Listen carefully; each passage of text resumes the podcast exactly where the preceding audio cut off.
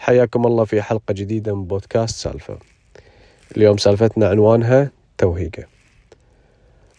هذا الله يسلمكم واحد حاب إنه يسوي له مشروع صغير. ف يعني طرح الموضوع اللي حواليه من يعني من ربعه.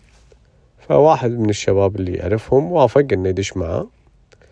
فمبدئيا لما طرح له الفكرة كان متردد يعني صاحبه هذا.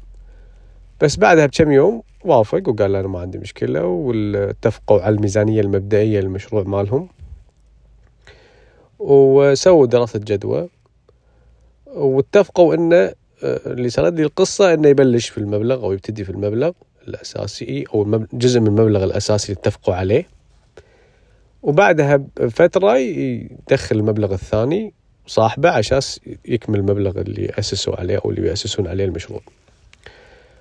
أه اجتمعوا كذا مرة وتناقشوا كذا مرة وابتدوا انه يعني يشتغلون بالإجراءات الأساسية للمشروع مالهم.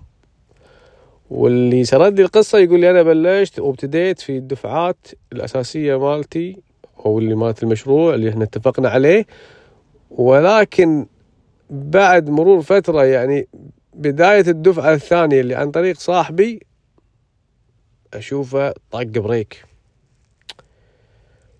تعال يا حبيبي إحنا الحين اشتغلنا سوينا وفي اتفاق ملتزمين وأنا خلصت الدفعة اللي عندي مش فيك تأخرت. لا إن شاء الله كم يوم بتواصل معاك ومالك شغل والموضوع عندي. يقول أنا شكيت في الوضع يعني مو طبيعي يعني الموضوع. بعد فترة نفس الشيء الحين نقول الحين الحزة هذه والفترة هذه مضطرين ندفع الدفعة الثانية والمبالغ الثانية. نفس الموضوع. عاد شافه قاعد يصر عليه فتالي بعد يمكن أسبوعين ثلاثة كان يكلمه كان يقول له والله اسمح لي أنا ما راح أقدر أكمل معاك ولا راح أقدر أدفع لك شيء. قال لي هذه مو لعبة ترى.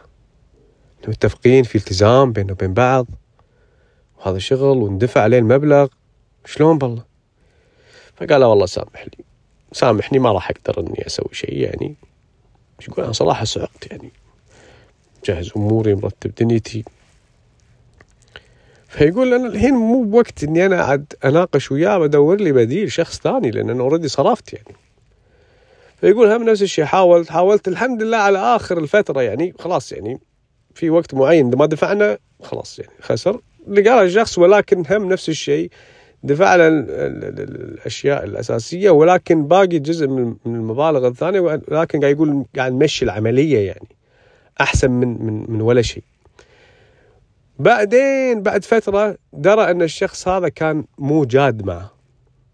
طريق أحد من الأشخاص كان قاعدين بديوانية أو شيء اكتشف أنه مجرد أنه كان يعطيه كلام وبدون بدون بدون مصداقية يعني.